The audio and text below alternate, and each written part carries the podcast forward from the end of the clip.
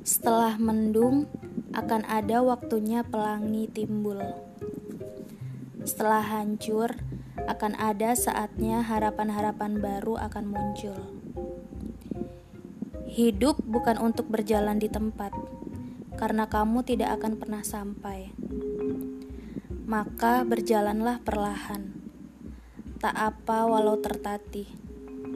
Jatuh, bangun lagi. Tersanduk, bangkit lagi.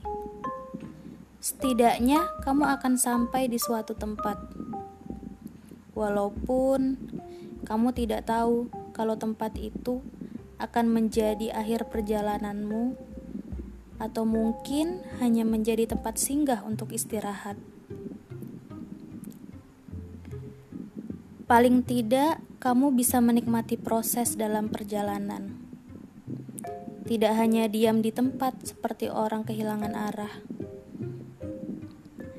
Tuhan tidak akan menyia-nyiakan usaha hambanya, bukan? Hehe, percayalah. Di ujung sana sudah ada pelangi dengan sayap warna-warni menunggumu.